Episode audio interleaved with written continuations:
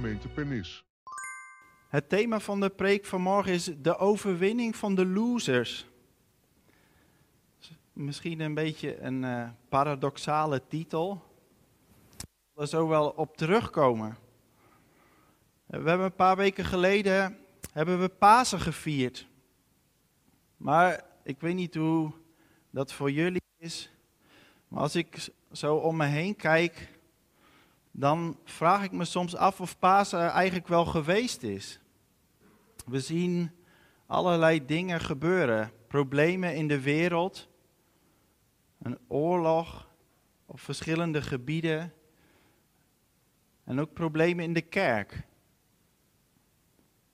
En dat kan je soms wel eens aan het denken zetten. Hoe zit dat nou eigenlijk? Als het dan Pasen geweest is, zouden we daar dan niet meer van moeten zien? En eigenlijk was dat ook een vraag die speelde uh, toen Johannes het, het Bijbelboek Openbaring schreef. Hij schrijft daar aan een aantal kerken, zeven kerken, een rondzendbrief. En ook in die kerken zijn er allerlei problemen. Uh, er zijn kerken waar, waar er bijvoorbeeld sprake is van vervolging. Er is iemand vermoord bijvoorbeeld. En je kunt je voorstellen dat dat allemaal vragen op, oproept. Wat kunnen we verwachten? Wat, wat is ons, uh, ons, het pad wat voor ons ligt? Maar ook andere soorten problemen. Er waren ook kerken, bijvoorbeeld de kerk in Laodicea, die lauw geworden waren. En die zich dreigden aan te passen aan de wereld om hen heen. En Johannes, die voorziet als het ware dat het erger gaat worden. Dat er dingen gaan gebeuren die, uh, die ervoor zorgen dat het nog meer onder druk komt te staan. Dat de drang, uh, of, ofwel om aan te passen, ofwel om uh, onder vervolging te lijden, dat die groter zal worden. Zo was er bijvoorbeeld een keizer, Domitianus, die noemde zichzelf Dominus et Deus. Dat betekent zoiets als Heer en God. Je zou in feite kunnen zeggen, hij liet zich aanbidden als God. En de christenen werden eigenlijk ook een beetje gedwongen om daarin mee te gaan. Om ook de offers te brengen die daarbij hoorden. Dus je kunt je goed voorstellen dat de vraag van de toekomst van de kerk zich liet stellen daar. Hoe gaat dit verder? Wat is het perspectief van de kerk? Zeker omdat het ook mensen waren die aan de randen van de samenleving stonden. Je zou kunnen zeggen de losers van de samenleving. En als we even het hele plaatje van openbaring pakken, dan worden in in het eerste hoofdstuk is een, een soort inleiding. En dan in hoofdstuk 2 en 3 zijn die brieven aan die gemeentes. En dan in hoofdstuk 4 en 5. En dat is natuurlijk hoofdstuk 5 ook het hoofdstuk wat we net gelezen hebben. Dan zie je als het ware even een blik achter de schermen. dus in hoofdstuk 2 en 3 wordt een beetje die situatie van die gemeentes geschetst. En uh, spreekt Johannes hun daar ook op aan, van in welke situatie ze zitten en wat hij denkt dat er nodig is. Maar dan zoomt het als het ware even uit en krijg je als het ware een blik in de hemel. Dat is heel bijzonder, want wat weten wij nou van wat er in de hemel gebeurt? In hoofdstuk 4 en 5 van Openbaring wordt daar iets van getoond. En er zit een, uh, een man op de troon, dat is God. En zoals we in hoofdstuk 5 lezen, komt er ook een lam voor de troon. En daar zullen we straks ook verder op ingaan. Wat in ieder geval al belangrijk is om even te benoemen, is dat het lam heeft overwonnen. Dus in die situatie, met die grote vraag van hoe gaat het verder, wat zien we eigenlijk nog van Pasen? Wordt eigenlijk neergezet, het lam heeft overwonnen. Het lam heeft overwonnen. En je kunt je natuurlijk afvragen, hoe dan? Daar zullen we zo op ingaan. Maar het kruis van Jezus heeft dus een impact op het hele wereldgebeuren. Dat is eigenlijk waar openbaring over gaat. Jezus' overwinning is beslissend voor de schepping.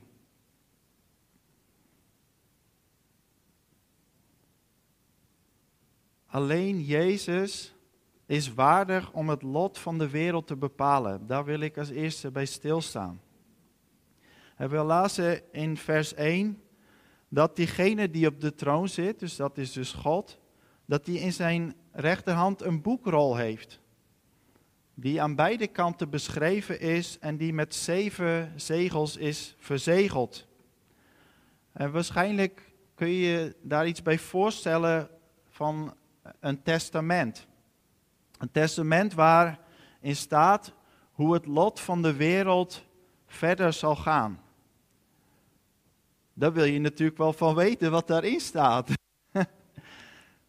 maar de vraag wordt ook genoemd: wie kan deze boekrol openen? Dat is wat een engel uh, spreekt. Wie komt er toe om de zegels te verbreken en de boekrol te openen? De vraag is eigenlijk: wie is er waardig om die boekrol te openen? En dan blijft het de lange tijd stil.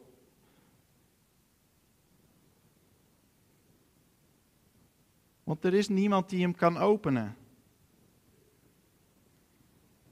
En Johannes, die breekt in tranen uit. Het raakt hem kennelijk heel diep dat die boekrol niet geopend kan worden. Dat er niemand waardig is om die boekrol te openen.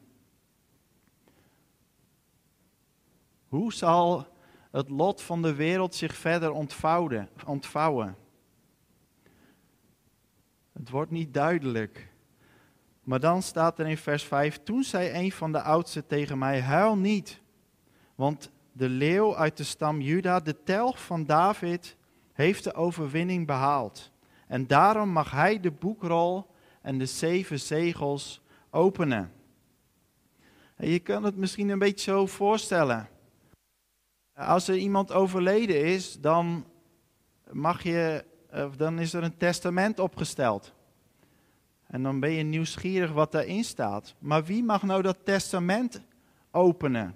Nou, meestal is daar iemand voor aangesteld, een notaris of iemand ehm, die dat mag doen. Maar je zou het ook een beetje zo kunnen zien dat de ware erfgenamen, dat zijn degenen die het recht hebben op dat testament. En hier is dus de ware zoon van God, is de enige die dat testament mag openen. En dat komt door de overwinning die hij heeft behaald.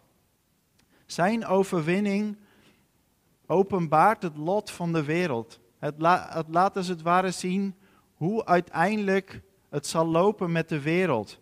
Niet dat we dat in elk detail kunnen weten. En zo is openbaring niet bedoeld als een soort spoorboekje waarin we elk detail van de geschiedenis van de wereld uh, uit kunnen halen. Maar wel de grote lijnen. Waarin het dus duidelijk wordt dat die losers van de maatschappij, die de Heer Jezus willen volgen, dat het uiteindelijk ook de overwinnaars zullen zijn.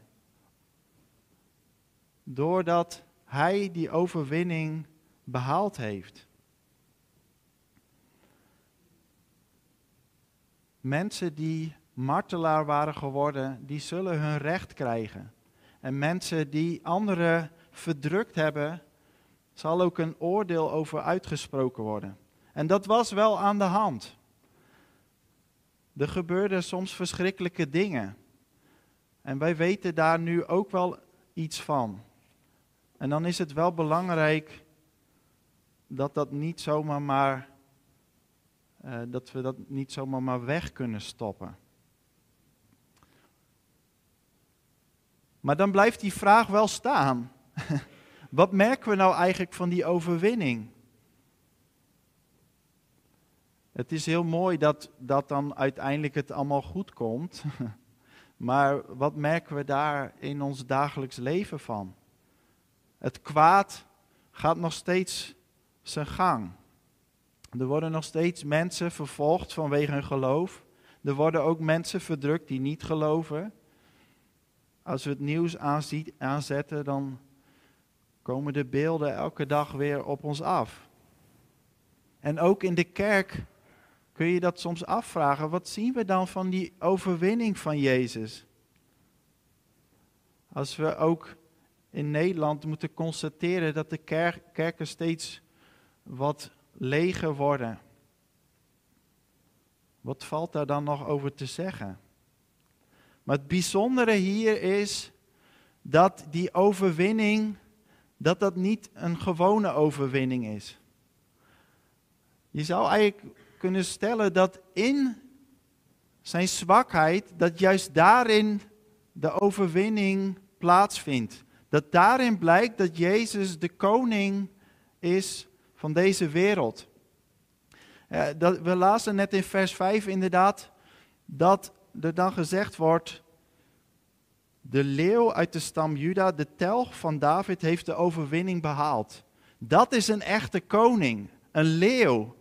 In Genesis 49, eh, als Jacob zijn zonen zegent, dan zegt hij tegen Juda dat uit hem ook, ja, de, dat hij als het ware de leeuw is. Dat, dat uit hem het koningsgeslacht zal voortkomen. En dat is inderdaad ook gebeurd. David was een van de nakomelingen van Juda. En uit David kwam weer het geslacht voort uh, ja, van de koningen van Juda, inderdaad. En tegen David was ook gezegd dat hij een eeuwige koning zou zijn in zekere zin. Dat zijn nageslacht, dat daaruit de koningen telkens voort zouden komen. De telg van David. Dit is een echte koning. Maar het bijzondere is, dus er wordt gezegd, de leeuw van Juda. Maar als ze dan kijken, dan zien ze helemaal geen leeuw. Dan staat er iets anders. In vers 6 lezen we, toen zag ik midden voor de troon een lam staan, tussen de vier wezens en de oudste. Het zag eruit als een lam dat geslacht was, en het had zeven hoorns en zeven ogen. Dat zijn de zeven geesten van God, die over de hele wereld zijn uitgestuurd. Een lam, een lam dat geslacht is. Kijk, bij een leeuw, daar kunnen we ons nog wel iets bij voorstellen. Dat is een koninklijk dier. Een sterk dier dat kan heersen. Maar, maar een lammetje. Kun je door middel van een lammetje de overwinning behalen? En er staat er ook nog eens bij, het lam dat geslacht is. Je ziet als het ware de sporen nog van het feit dat het lammetje geslacht is. Het grijpt terug allereerst op de Exodus, waarin er een lammetje geslacht moest worden om het Pesachmaaltijd te vieren. Te vieren dat het volk Israël uit Egypte was bevrijd. En Jezus Christus wordt natuurlijk het lam van God genoemd het lam dat geslacht is. Door zijn bloed is de overwinning behaald. Maar dat betekent dus dat die weg van het lijden, van het kruis en van de opstanding, dat dat de weg is die hij moest gaan om de overwinning te behalen. En misschien zegt dat ook wel iets over hoe God zijn weg in deze wereld gaat. Hoe die overwinning er dan ook in het alledaagse leven uitziet. En het is eigenlijk een parodie op dat machtige Roomse Rijk. Met die machtige keizers die door oorlogen hun overwinningen behaalden. Er werden liederen over gezongen. Dat was eigenlijk een beetje de legitimatie van het feit dat zij keizer waren. Zij, zij konden keizer blijven omdat ze telkens nieuwe overwinningen behaalden. Daardoor werden ze groter en sterker. En er werden munten van gedrukt en plakaten van opgehangen. Het machtige Roomse Rijk met zijn overwinningen. En er werden liederen over gezongen. En wat zien we hier gebeuren? Er wordt, worden liederen gezongen over het lam dat geslacht is. Het is gewoon een parodie op het Romeinse Rijk. Een parodie.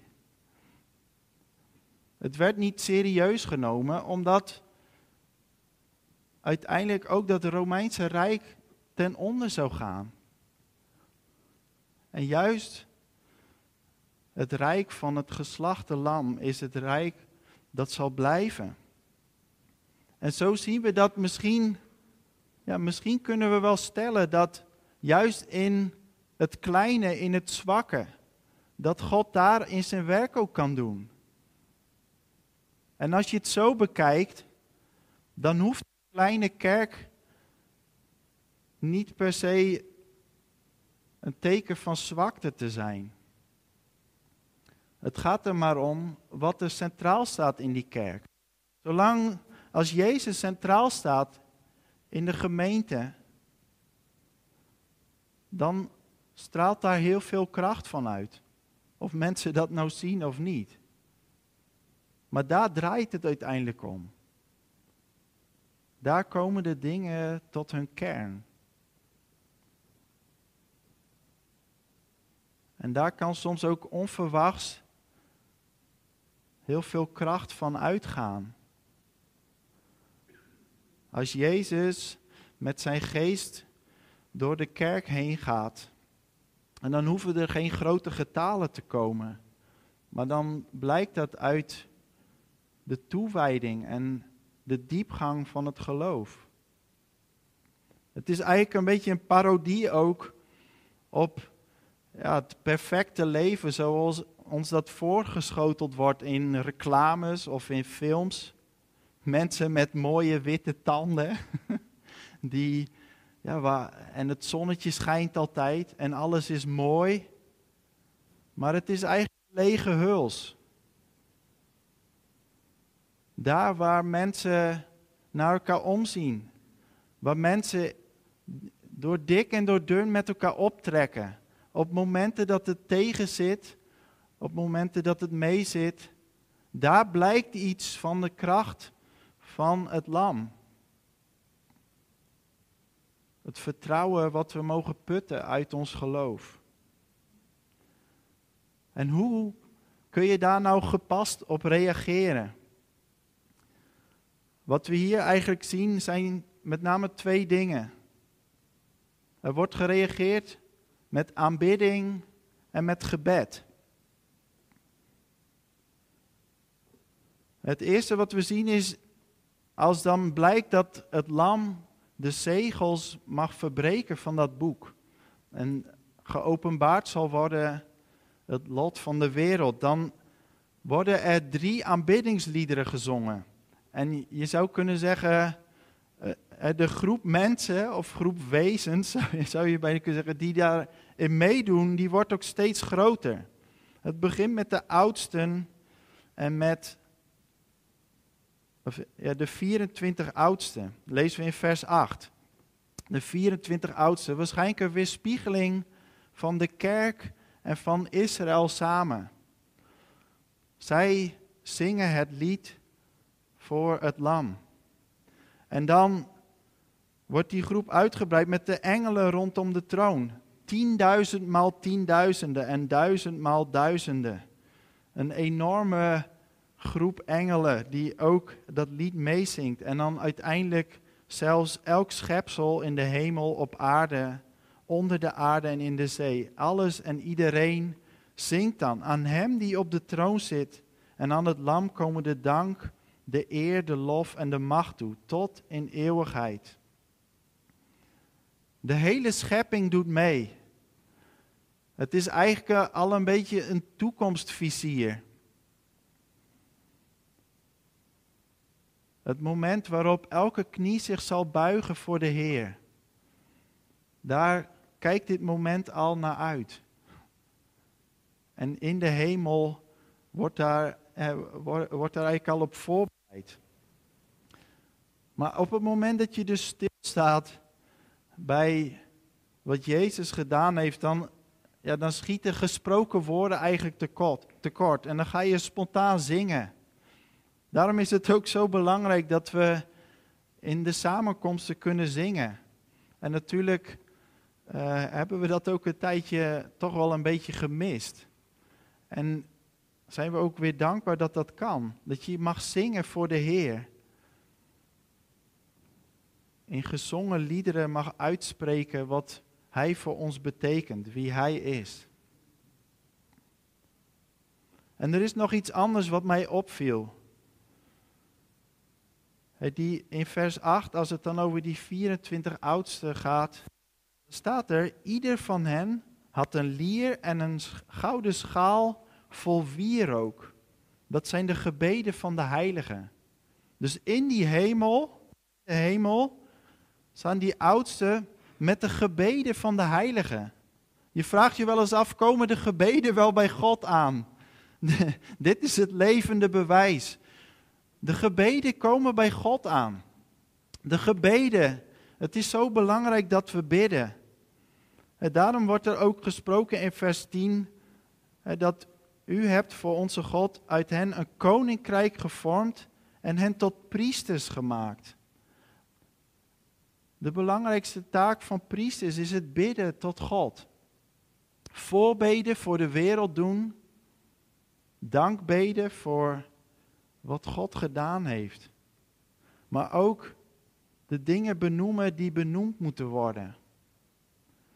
En want dat, daar wordt ook op teruggekomen hoofdstuk 6. We lezen in vers 9, daar toen het lam het vijfde zegel verbrak, zag ik aan de voet van het altaar de zielen van al degenen die geslacht waren, omdat ze over God gesproken hadden en vanwege hun getuigenis. Ze riepen luid, O heilige en betrouwbare God, wanneer zult u de mensen die op aarde leven eindelijk straffen en ons bloed op hen wreken? Ieder van hen kreeg witte kleren. Verder werd hun gezegd nog een korte tijd geduld te hebben, totdat het aantal dienaren compleet zou zijn. Zij en hun broeders en zusters, die net als zij gedood zouden worden. dus de mensen die gemarteld en gedood waren vanwege hun geloof, die vragen aan God, wanneer grijpt u in? Wanneer zult u ons recht doen? En als ik de beelden op televisie zie, ongeveer een maand geleden kwamen die verschrikkelijke beelden uit Bucha tot ons, dan, dan grijpt dat je bij de keel. Zal die mensen ooit recht worden gedaan? Die gewoon ja, zijn afgeslacht als lammetjes, zo kunnen we het eigenlijk wel noemen. Zal de mensen die de meest verschrikkelijke dingen zijn aangedaan, zal die ooit recht worden gedaan? Ik denk dat wij dat als mensen uiteindelijk niet kunnen. En dat er een rechter nodig is die boven alle partijen staat. Dat God zelf uiteindelijk recht zal spreken. En dat komt heel precies. Ik denk dat het daarom gelukkig ook niet aan ons als mensen is om een uiteindelijk oordeel uit te spreken. Gelukkig is er een weg om tot inkeer te komen. Maar de mensen die zo afgeslacht worden, er is een moment nodig waarin hun ook recht zal worden gedaan. Dat er recht zal worden gesproken. En daarom mogen we dat ook in ons gebed benoemen. Heer, ontferm u. Heer, doe recht. Doe recht aan mensen die verdrukt zijn. Grijp toch in in situaties waarin het onrecht heerst, zodat het recht opnieuw zal zegevieren. En de wereld, een ieder, tot zijn recht zal komen. En ieders lot ook recht zal worden gedaan. Ook dat gebed is onderdeel van onze priestertaak. Ook wij mogen dat onrecht benoemen. En wij hoeven niet voor God te beslissen wat Hij daarmee doet. Maar we mogen het wel voor Hem neerleggen.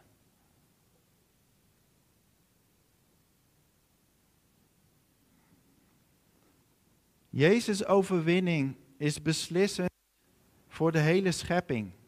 We hebben gezien dat alleen Jezus degene was die waardig is om het lot van de wereld te bepalen. En Jezus is een genadige koning. En dat geeft hoop. Dat geeft hoop. En in zijn zwakheid blijkt hij ook een sterke koning. Ik heb dat net niet benoemd, maar die zeven hoorns van dat lam, dat betekent dat het een krachtige koning is. En dat de zeven geesten over de wereld uitgaan, betekent ook dat hij in zicht heeft wat er gebeurt. Jezus weet wat er speelt. En hij zal op een rechtvaardige wijze ingrijpen. En daarom mogen wij reageren met aanbidding en gebed. We mogen Hem aanbidden als onze God, als onze koning. En ook bidden voor het lot van deze wereld, voor de dingen die daarin spelen, in het groot en in het klein. En laten we maar eens beginnen bij de plek waar we zelf gesteld zijn. De overwinning is behaald en het wordt zwakheid zichtbaar. En er zijn zoveel voorbeelden van kwetsbare mensen die in Jezus hun kracht vinden. En samen met elkaar mogen we uitkijken naar dat moment dat het koninkrijk van God volledig vervuld zal worden. Laten we tot dat moment bidden. Trouw blijven bidden voor deze wereld. En geduldig blijven wachten totdat God voor eens en voor altijd zal ingrijpen. Amen.